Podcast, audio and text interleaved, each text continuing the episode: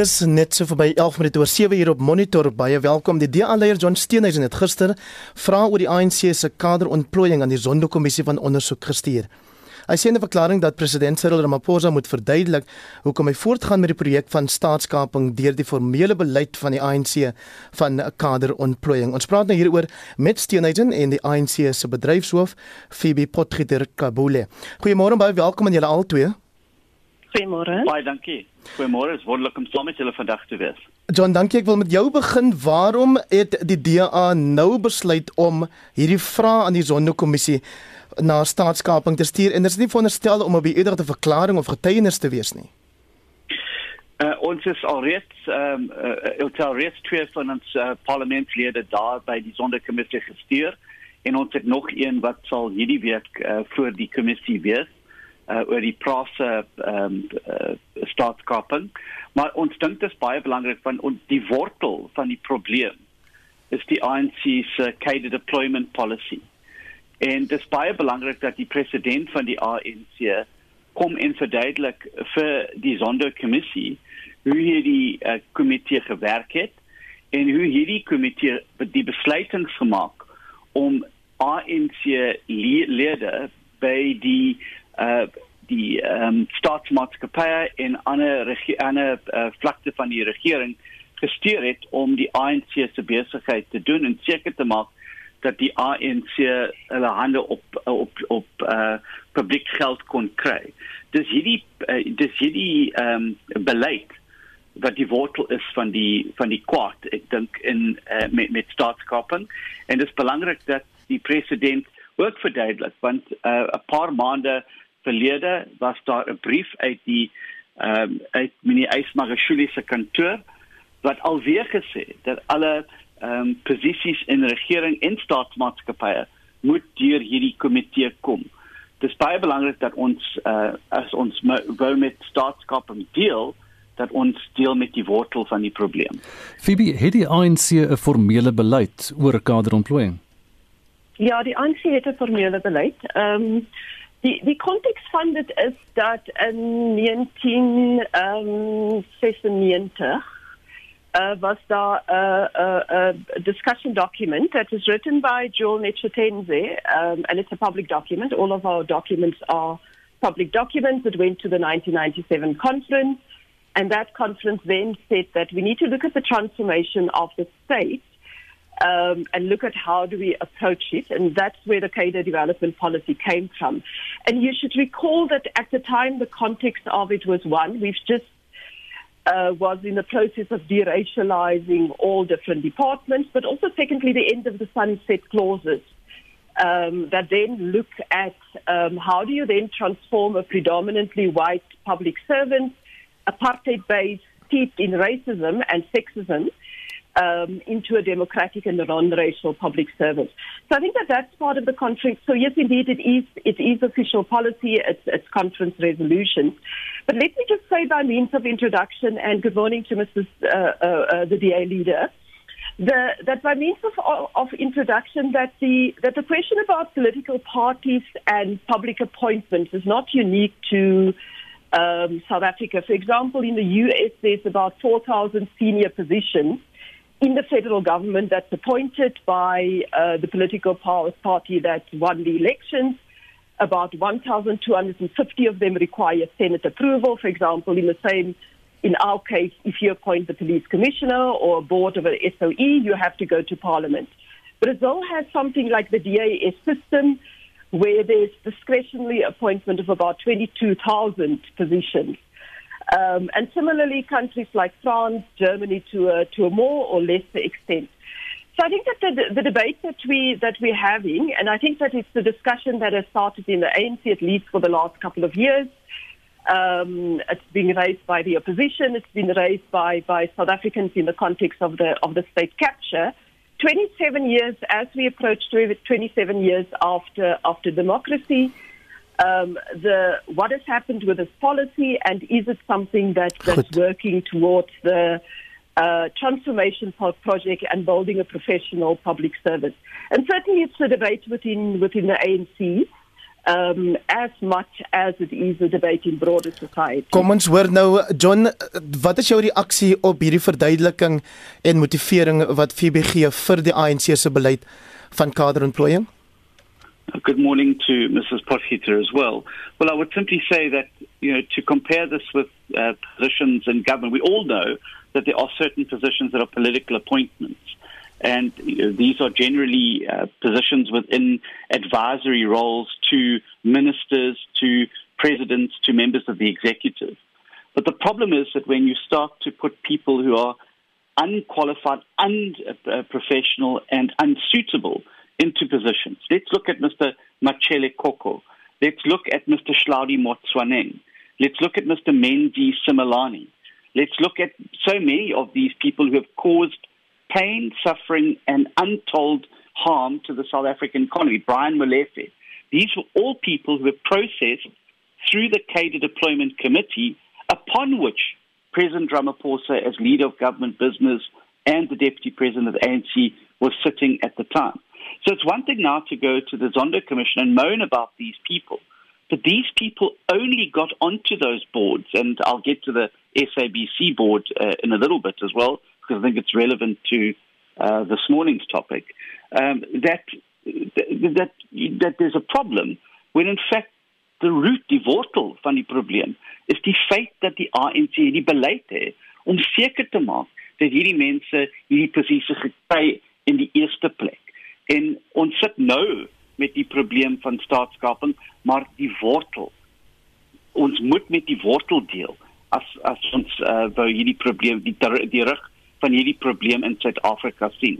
En ek dink dit is baie belangrik dat die president as die leier van die ANC die party met hierdie beleid wat nog in plek en ek het al reeds gesê daar was 'n brief uit die hulle sekretaris-generaal meneer Eysmagashule se kantoor 'n paar maande gelede wat al alweer gesê dat alle posisies in die publiek diens moet deur hierdie komitee kom. So ons ons leer nie van ons ons foute nie in Suid-Afrika ons maak dieselfde foute alweer. Phoebe, hoe voel jy oor wat John daar gesê het? Hy het nou name van individue genoem wat by staatskaping betrek word en hy sê dit lyk asof hierdie beleid um, op papier, dit klink nou goed soos jy dit verduidelik, maar dit hang baie af van wie jy in daai poste aanstel. Ja.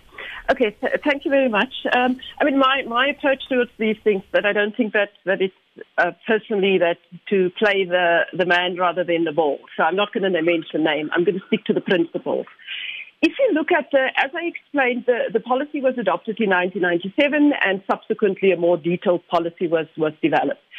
Um, um, I don't think that the opposition leader is correct to say that, that political appointments just goes towards um, in other countries, and the examples that I mentioned just um, relates to ministerial advisors. Those are the obvious ones. But if you look at all of the comparative studies of public servants services across the world, um, it goes to DGs, it goes to, to boards, etc., etc. I mean, in the US, it goes to the Supreme Court judges that gets appointed by the by the parliament by by the president. Of course, with um, they have to go through the through the Senate, as as I explained earlier. So I think that the general point is that there is a there, there is a global trend, and it's to a lesser or more degree. Now, what is happening, and in terms of, of, of, of South Africa, is that in terms of the detailed CADA development policy, CADA deployment policy that was then developed, it then talks about senior position in the public sector that we need to, to ensure that when you you um, propose candidates for a particular position, and they still have to c- compete and go through the normal processes, so boards all go through the parliament, etc., etc. Um, there's interview processes within within different uh, the, the through the Public Service Commission. So all of those processes need to follow, and those candidates have to have to compete there. And of course, it has to be on the basis of merit. Now, one of the things that we are assessing as the ANC is to look at what exactly has been the implication of the policy, because the list that um, the opposition leader has mentioned, I mean, somebody else can mention a list of, um, you know, a similar amount and more of other competent black uh, professionals that I have appointed the former uh, late um, Auditor General is just one of the few examples that, that, that, that come to mind. So I think that, that, that part of what we, what, we, what we need to do is to look at how do we ensure that as a, as a country, we both learn the lessons of the last 24, 27 years, and that we then make sure that we build a professional uh, uh, uh, public service that are able, that's ethical, that's able to, to, to bring forward um, the best in terms of the, um, the services to the people and the kind of things that the public service is, is supposed to be doing.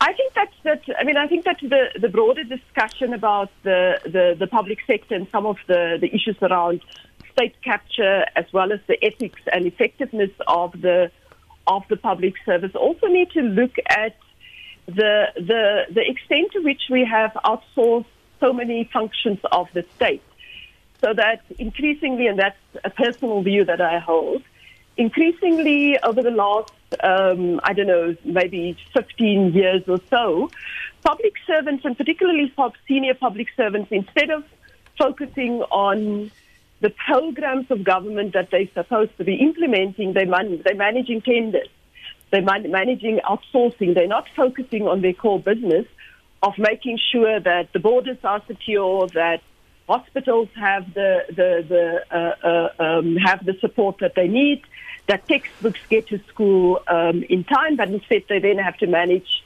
uh, uh, uh um, third party providers. So I think that when we talk about the state, we need to look at all of those issues including the the deployment policy. Is jy bereid om te erken dat hierdie kaderontplooiingsbeleid van die ANC wat jy nou so mooi verduidelik het en wat mooi klink op jou papier wel moontlik van die spore af kon geloop het en dat daar mense is wat die proses gebruik het om hulle oh, hande op die geld te kry? I think that we would be the first to say that there has been there has been problems um at municipal level at in different departments in state owned entities Um, and yes, we certainly would, would say that there has been problems, and that is why it was the ANC government who appointed the Zondo Commission to investigate these issues.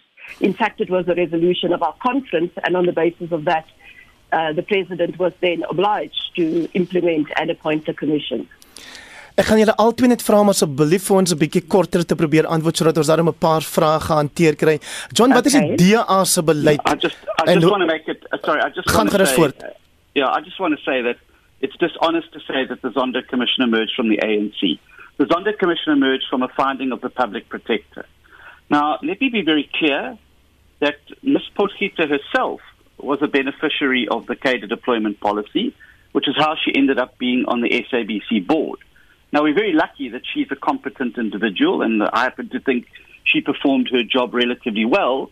But there's no doubt that she would have gone through the CADA deployment process vetting as well. En ek wou net lees 'n bietjie van hierdie brief van Mena Ysmagashule. Want ek dink dit is baie baie belangrik vir die luisteraars om te verstaan wat lê agter hierdie beleid in die ANC. Dear comrades, the office of the Deputy Secretary General should be informed of all posts prior to them being advertised and be sent to uh, and sent the advert once they have been published. This process is to, and here's the important part, allow for comrades who meet the criteria on the database to apply. This should apply to director generals, chairpersons, CEOs, and all boards of state owned entities. No appointment must be taken to cabinet without passing through the deployment committee first. So wat jy sien jy ons het so 'n parallel state wat nou aangaan want die beste mense gaan nie voort nie uh en 'n paar uh uh voorbeelde is ons baie gelukkig en ek het alreeds gesê dat ek dink uh mevrou Potgieter het baie baie goed by die SABC gedoen. Ja. Maar hierdie hierdie is die wortel van die probleem. En as ons nie uh, ons hande op hierdie probleem kry, sal ons in in 'n 10 jaar of uh, of of meer sit met dieselfde probleem want die wortel van die probleem is dat die beste mense is nie gekies vir die werk nie. Die mense wat met met, eh, die kleur van hulle partykaartjie wat in hulle beursie sit kry die werk. En dis hoekom ons sit met Slaudi Motsoneng uh, Brian Molefe Coco en al die ander mense wat uh, wat hierdie uh, staatsmaatskappy in die grond um, gesit het. John Tim Harris is 'n DA persoon wat nou die hoof is van die Wesgrow Beleggingsagentskap in die Weskaap en dan weet jy ook van die openbare beskermer se bevinding teen Anton Bradel, een van julle LER daar in die Weskaap dat hy die aanstelling van 'n direkteur in die George munisipaliteit gekeer het en gesê het die munisipaliteit moet eers wag totdat die DA se FedEx of federale uh, bestuursraad daaroor besluit het. Is dit nie ook 'n vorm van kaderontplooiing nie? Nee, dis nie en uh, as jy as jy tussen die die lyne uh, uh, kyk met wat gebeur het met die Bradel uh, saak en ons ons gaan hof toe en ek dink dis onaanvaarbaar dat enige iemand die uh, hierdie openbare beskermer se ondervindings ernstig kan vat nie want sy het in elke hof in die land uh, sy was geskort deur uh, deur die deur die die die howe. Ehm um, maar wat hy is die LUR van plaaslike regering en dit is sy werk om seker te maak dat mense wat nie gekwalifiseer is of vir die verkeerde rede uh, in daai uh, plekke sit uh, moenie in daai uh, in daai um, stoel sit nie en ek dink dit is baie baie ehm um, dit is baie baie ehm um, daar's 'n groot verskil tussen die werk van 'n LUR om seker te maak vir goeie regering en 'n komitee van 'n politieke party politieke party wat sit en besluit wie gaan in staatsmaatskappye uh, werk en wie die uh, hoof van uh, van die regering se uh, departemente wees. Daar's 'n baie baie groot verskil. Phoebe, jou reaksie daarop? Okay. Um, yes, it, would be interesting to to to to, to hear the the opposition's um, position on this issue in terms of how they do it, where they govern. Uh, but nonetheless, I think that that the the operative word in the letter that the opposition leader quoted is that of criteria. Now, part of the criteria is that the person must have the experience, that they must have the um, that they must have the the um, the, the qualifications that's required for the job, whether it's a, member of the board or whether it is um, a CEO in the position that's listed there. Um, and that's the important criteria, but also the, the, the commitment towards a non-racial South Africa, a non-sexist South Africa.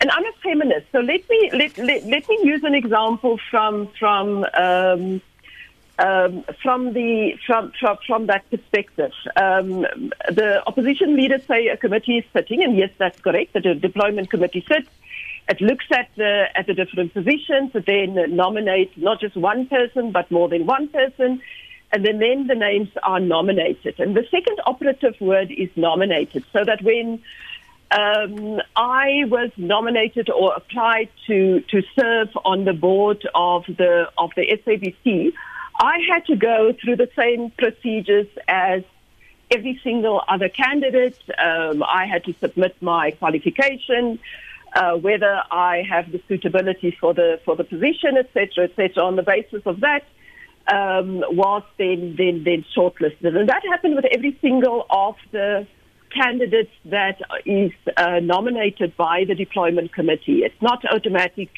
that if they do it, in fact, there's quite a number of cases where, where, where people don't make the make the grade.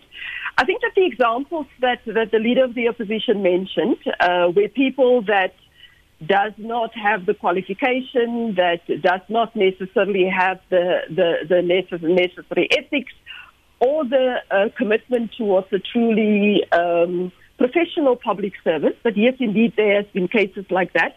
As I'm sure there are cases in the in, in, in the opposition um, government, but I think that the, the, the, the criteria is clear, and what we are doing in the ANC is to then look at how do we improve those criteria but also the broader discussion about how this deployment policy has worked over the last 27 years in advancing the case of a of a better South Africa and a more efficient public uh, service. Is julle gereed daarvoor in die ANC dat regter Raymond Zondo in sy Zondo kommissie dalk ernstige bevindinge gaan kan maak teen hierdie kaderontplooiingsbeleid van julle en is julle bereid om dit te heroorweeg?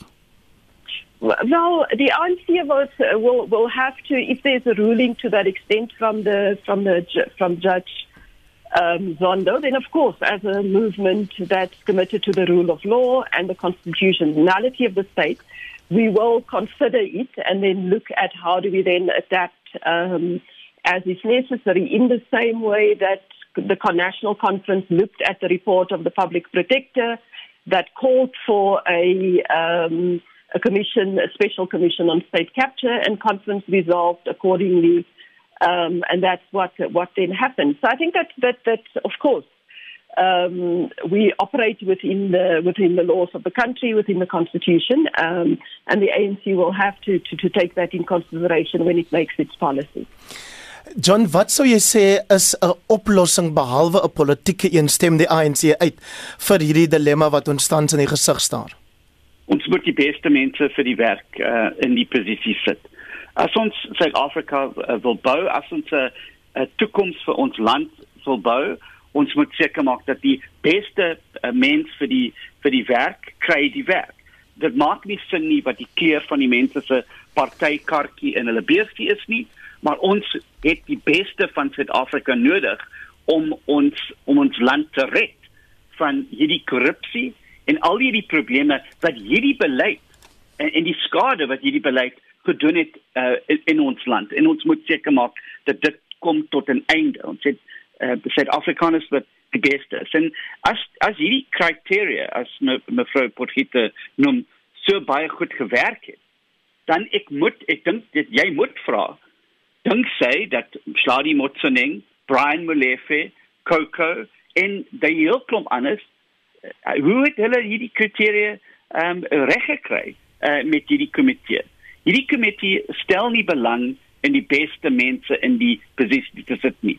Dit gaan oor wie hulle ondersteun binne die ANC, wat 'n faksie van die ANC hulle behoort en die mense van Suid-Afrika is die laaste gedagte en die um, die ons ekonomie is die laaste gedagte van uh, hierdie komitee. Hulle is net uh, hulle wou net seker maak dat die ANC se hande alles in Suid-Afrika is. En dis ongelukkig waar ons moet haltroep verskriklik baie dankie vir jou insette vanoggend John Steenhuisen as die DA leier en Phoebe Potgieter Kobule die ANC se bedryfshoof in Lotuli is hier in Johannesburg. 736 hier op monitor. Nou jy het vroeër in ons program gehoor, president Cyril Ramaphosa het die Kubaanse mediese brigade wat wêreldwyd pasiënte behandel benoem vir hierdie jaar se Nobelprys vir vrede. Ons wil by jou hoor, wie sou jy benoem en hier is 'n paar van julle se terugvoer. Gehoor op die aar. Ek wil net die gift of the givers nomineer as die organisasie wat werklik waar kwalifiseer vir die Nobelprys vir vrede want dis die enigste mense wat werklik waar in hierdie COVID tyd hulle deel bygedra het. Altyd geld gehad het om vir mense kos en water en goed aan te ry. Nou, ek sal my modelprys gee aan die minister van maatskaplike ontwikkeling. Ek is 'n blinde persoon. Ek het aansoek gedoen 'n paar jaar terug vir 'n RDP huis. Toe moes ek nou weer heraansoek doen. Ek sal die 'n prys aan hulle gee. Ek as 'n uh, wat deel uitmaak van Silo Will Robertson voel baie ongelukkig oor die feit dat almal praat van polisie, verkeer, dokters en goed wat erkenning moet kry. Wat van ons as vragmotorbestuurders wat nag en dag op die pad is, voedsel betyds op die rakke te kry, wat elke dag pakhuise fabrieke ingaan. Ons kry nie eens 'n benoeming nie, niks. Gevare moet trotseer wind en weer uh, hierdie Ramaphosa moet hom wat te skaam om mense te benoem vir die van die buiteland. Hierdie gifts of the givers, hulle doen 'n merkwaardige job. Ek dink hier is enige ander instansies wat 'n job beter as hulle kan doen nie. En hulle kry geen befondsing van die regering nie. So ek benoem give of the givers. Dit is David hier van Stelly. Dis nou 21 minute voor 8 uur by Monitor op RSG en tyd vir wêreldnuus. Die BBC het skokonthullings gemaak oor menseregte vergrype in die sogenaamde heropleidingskampe in China. Nou die kampe in die Xinjiang streek is nou reeds 'n geruime tyd lank die spulpunt van omstredenheid. Lede van die Uyghur gemeenskap word volgens die regering daarheen gestuur om opgelei te word in die Chinese kultuur. Nou verskeie getuies het egter na vore getree oor wat daar gebeur en Marlene Forsie sluit by ons aan met meer besonderhede en ons waarsku net luisteraars dat van hierdie getuienis van 'n seksuele aard is en dit kan ontstellend wees. Tussenay Sia Woodham getuig dat sy aangehou is hier saam met verskeie ander vroue en dat verkrachting aan die orde van die dag was. There were three men. Not one, but three. They did whatever evil their mind could think of, and they didn't spare any part of my body, biting it to the extent that it was disgusting to look at. Sy is nou veilig in Amerika waar sy openlik kan getuig oor haar en ander vroue se ervaring. Nou voormalige polisieman het haar getuienis bevestig. Die kwessie is volgens die BBC so sensitief dat 'n akteur hom moes verwoord. Those who were taken inside were locked in a cell which held 8 to 16 inmates. There were cameras watching them all the time, and there were books about Xi Jinping. They have to study the book and memorize them in Chinese. If they fell, the punishment was severe.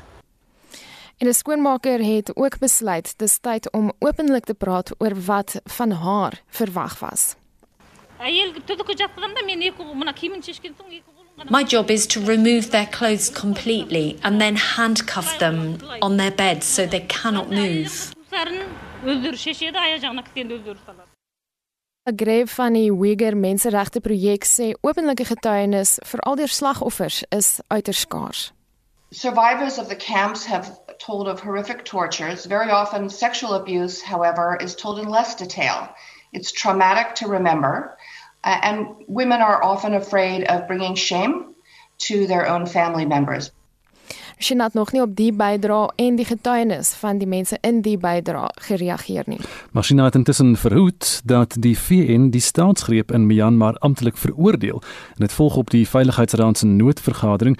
Weerstand onder burgers is egter aan die toeneem. Wat is die jongste daar? In die land se grootste stad, Yangdong, lewer inwoners protes teen die staatsgreep en hulle doen dit so.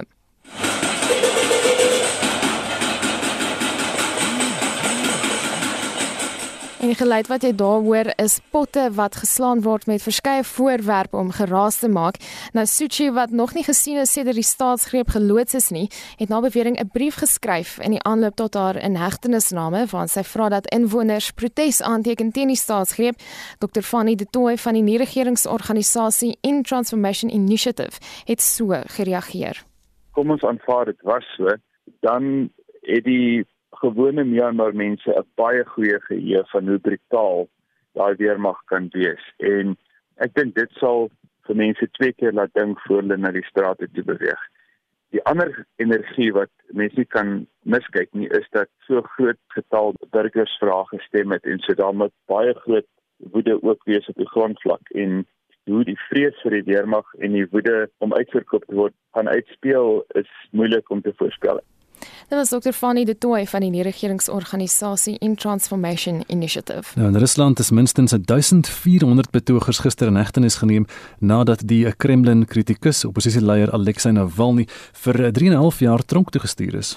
Die hof het bevind dat hy die voorwaardes van 'n vorige opskorting van sy tronkstraf oortree het.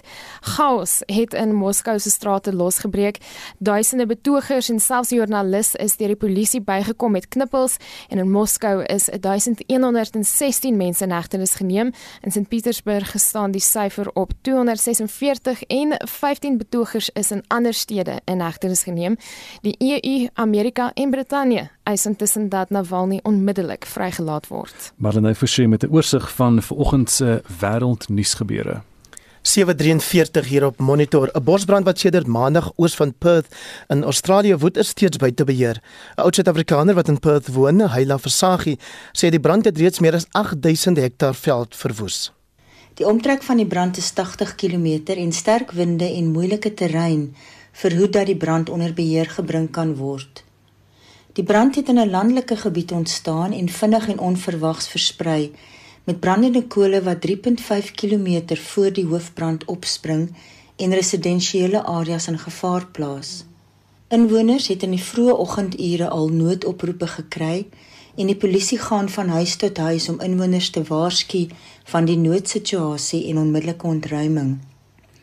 Inwoners in haar grensende gebiede is gereed indien hulle vinnig moet ontruim. Daar is tans areas waar dit te laat is om te vlug en daar word gevrees vir die lewens van inwoners wat besluit om te bly en hul eiendom en diere te probeer beskerm. Sover bekend is 59 eiendomme verwoes, maar geen lewensverlies is nog aangemeld nie. 3000 huise en besighede is sonder elektrisiteit. Een van die inwoners sê dit lyk asof 'n kernbom ontplof het. 'n Noordelike wind versprei as, roet en rook tot 60 km ver en Perth is in so eerie rooi-bruin rookskynsel omhul met beperkte sig vir motoriste. 'n Sikloon is besig om te ontwikkel in die noorde van Wes-Australië wat koeler temperature, maar ongelukkig ook sterker winde sal bring en die toestande kan vererger. Dan Heila Versagie, 'n uh, oud Suid-Afrikaner wat in Perth in Australië woon. Dis nou kwart voor 8 in die Kaapse vermaaklikheidslegende Elvin Collison wat pas dood is word deur ander kunstenaars en aanhangers as die oorspronklike Mr Showbiz onthou. Heinrich Weingart het hierdie bydrae saamgestel. Die ewe legendariese Afrikaanse sanger, liedjie-skrywer en kabaretster Amanda Strydom is een van diegene wat nog tot verhaal probeer kom oor Elvin Collison se afsterwe verlede naweek. Hy was groter as die lewe self.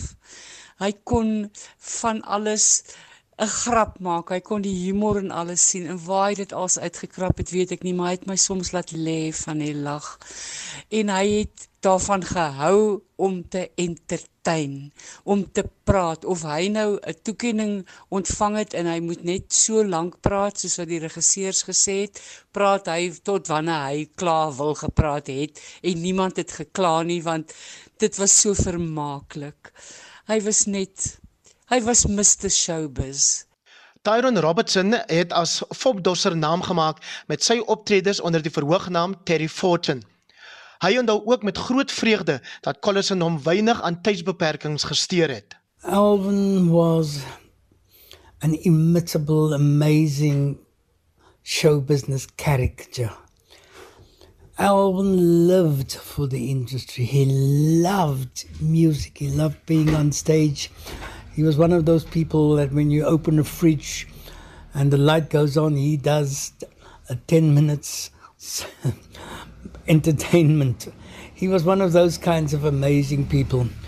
I remember quite often in, when one would say to him, Alvin, it's, uh, uh, the slot is 10 minutes.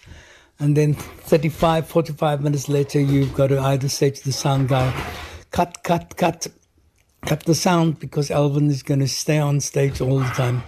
En Collison se dood sê strydom dui die naderende einde van 'n unieke generasie van vermaaklikheidskunstenaars aan die generasie waarvandaan hy kom of waar hy in hoort. Ek weet nie hoeveel daar nog van hulle oor is nie. Maar dit was die golden age. Dit was die tyd toe mense nog mooi aangetrek het om teater toe te gaan. Wat dit 'n okasie was en Elwin het die glitter en die glamour en die glits daaraan gegee. In veelvuldigheid het hy dit gedoen. En wat ek so van hom bewonder, is sy omgee, sy geweldige groot hart vir mense wat minder bevoordeel was of wat nie altyd die kanse gegee was om te kom waar hulle gedroom het van om te kom nie. En hy het dit vir baie jong kunstenaars moontlik gemaak.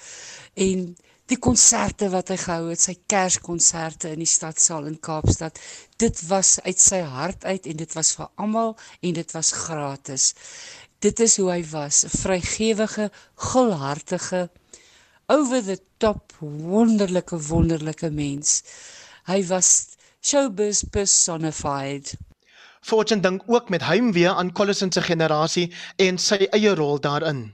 Alvin comes from an era Uh, which was a very popular cabaret and he was one of the leading cabaret stars. He had worked, you name it, in every corner of the country, internationally. He worked. He worked on ships. He worked in extravaganzas, in musicals, and in in that particular period, those were really strong art forms. He's going to be missed for his contribution, for his love for the theatre, for his love for being on stage, for the love of the industry, and for everyone. Fortune sê nie net was Collison lief vir die verhoog nie, maar ook om met ander kunstenaars saam te werk, die jonger geslag touwys te maak en om na gemeenskappe uit te reik. He had so much love for young people in the industry. He always encouraged them. He gave so many young people the opportunity to go on stage and gave them confidence and said to them, Don't be scared, it's going to be fine. Over the decades, he was known for working in all kinds of venues, from singing in someone's backyard to recently he sang for outside uh, one of the hospitals to pay tribute and to thank hospital staff and people who had been helping the communities. Fahim Stellenboom, bemarkingsbestuurder van die Baxter Theater, beamoed dit. Mr Showbiz of Mr Entertainer, soos wat die mense hom liefdevol genoem het, was nie net 'n gesoute en gerespekteerde sanger en entertainer nie. Hy was iemand wat 'n verskil gemaak het deur sy werk en sy menswees. Elvan was 'n onselfsugtige en vrygewige kunstenaar wat met soveel liefde, oorgawe en energie sy gehore vermaak het. Elke optrede het hy met passie aangepak en hy het soveel vreugde en genot aan al sy fans verskaf. Maar meer as showman het hy ook omgegee vir nuwe en jong talent. Hy het hulle gaan soek, ontwikkel en geleenthede vir hulle geskep. 'n Groot deel van sy nalatenskap lê in die sangers wat hy oor die jare hul eerste kans gegee het. Elvin se motto was nog altyd the show must go on and he certainly did it his way. Stryd om glo dat Collison deur sy talent, persoonlikheid en omgee vir ander mense vir hom 'n plek in die plaaslike kunstegeskiedenis verseker het. Hy sou dit definitief sing. Dit is wat ek van hom sal onthou. Regrets I had a few and then again without redemptions or exceptions or whatever i did it my way and you did alvin ek het jou so so lief gehad en sal altyd jy sal altyd 'n ongelooflike plek in suid-Afrikaanse geskiedenis hê van vermaaklikheid van wat dit moet wees en so het jy geleef en so is jy weg Wie en Heinrich het hierdie bydrae vir ons saamgestel. 754 hier op monitor. Die ANC Alliansie van Alliansie van Note in Noordwes het gereageer op die skorsing van 5 ANC-lede in die provinsiale wetgewer daarson. Die geskorste lede waaronder die premier Jock Mogoro het na bewering die partymandaat vir die benoeming van die voorsitterstoel in die provinsiale wetgewer verontagsaam. Justin Kennerly berig. Die vyf lede, Job Liso, Priscilla Williams, Bitsal Lenkopane, Aaron Motswana en die premier Job Mogoro is geskort na hulle na bewering saam met die oppositie gestem het. Die sekretaris van die SAKP in die provinsie, Madoda Sambata, sê die skorsings verdiep net die faksies binne die ANC. The divisions of the ANC, the danger they are treading on currently, it's possibilities of dividing society. And these members of society are the same people who are going to go to during the coming elections and say vote for the ANC. Yet we openly tell them that we will never be ANC, we are individuals in the ANC. Kusatu daarenteen sê die party se mandaat word gereeld in die provinsie uitgedaag. Die sekretaris vir Kusatu in Noordwes, Kopano Konopi, vra dat daar sterk opgetree word teen oortreders. So we feel that it is high time that the party shows uh, some level of seriousness and make sure that the voters are being respected and the people who do no longer want to respect and take the mandate of the party must be removed. And this is very high level in that it is almost everybody who represents the party in the legislature that goes and drive this anarchy in the legislature. That is why we are calling to say that let's rather disband the whole legislature and go for fresh elections. Die Sanku sekretaris, Packet eis dissiplinêre optrede teen die betrokkenes. ANC must seriously look at that to make sure that harsh measures are taken against those that transgress the constitution of the ANC. Because if the ANC cannot do that, the ANC would be showing the voters of the Northwest a middle finger to say we don't care about you. Maar die betrokkenes het reeds appel aangeteken teen hul skorsing. Een van die lede, Bitsal Nkopane, verduidelik: In terms of rule number 25.43 because we have appealed the decision of the IPC IPWC. And as a deployee, an office bearer, or a member, when you have appealed, the rule protects you that the status quo will remain until the finalization of the process. Intussen het die ANC Vroueliga in Noordwes gevra dat die NEK moet ingryp terwyl sommige lede van die nou ontbinde ANC Jeugliga vra dat die tussentydse provinsiale komitee geskraap moet word. Die komitee sê egter dat dit nie afgeskrik sal word deur diegene wat probeer om politieke punte deur die media te bereik nie. Hierdie verslag deur Zebulon Maine en Mai King en ek is Justin Kennerly vir SI Garnis. Is die vertel vir ons wie dink die mense behoort vir die Nobelprys vir vrede genomineer te word? Saret Joubert Barnard sê ek is self 'n 'n verpleegkundige in privaat praktyk en is nie in die voorste linie nie. Vir my is daar net een benoeming hierdie jaar. Ons eie voorste linie susters en dokters wie sonder ekstra vergoeding deur 'n baie moeilike en onvoorspelbare tyd gaan met die pandemie. Ek salieer hulle. En Elmarie Tor sê Saret, ek stem 100% saam met jou.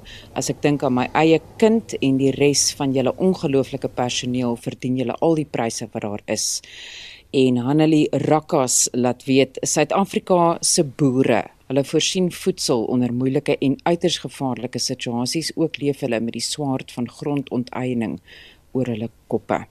En dan sê Mariana Lindstroom benoem Suid-Afrikaanse gesondheidswerkers en gift of the givers nie die kipane nie.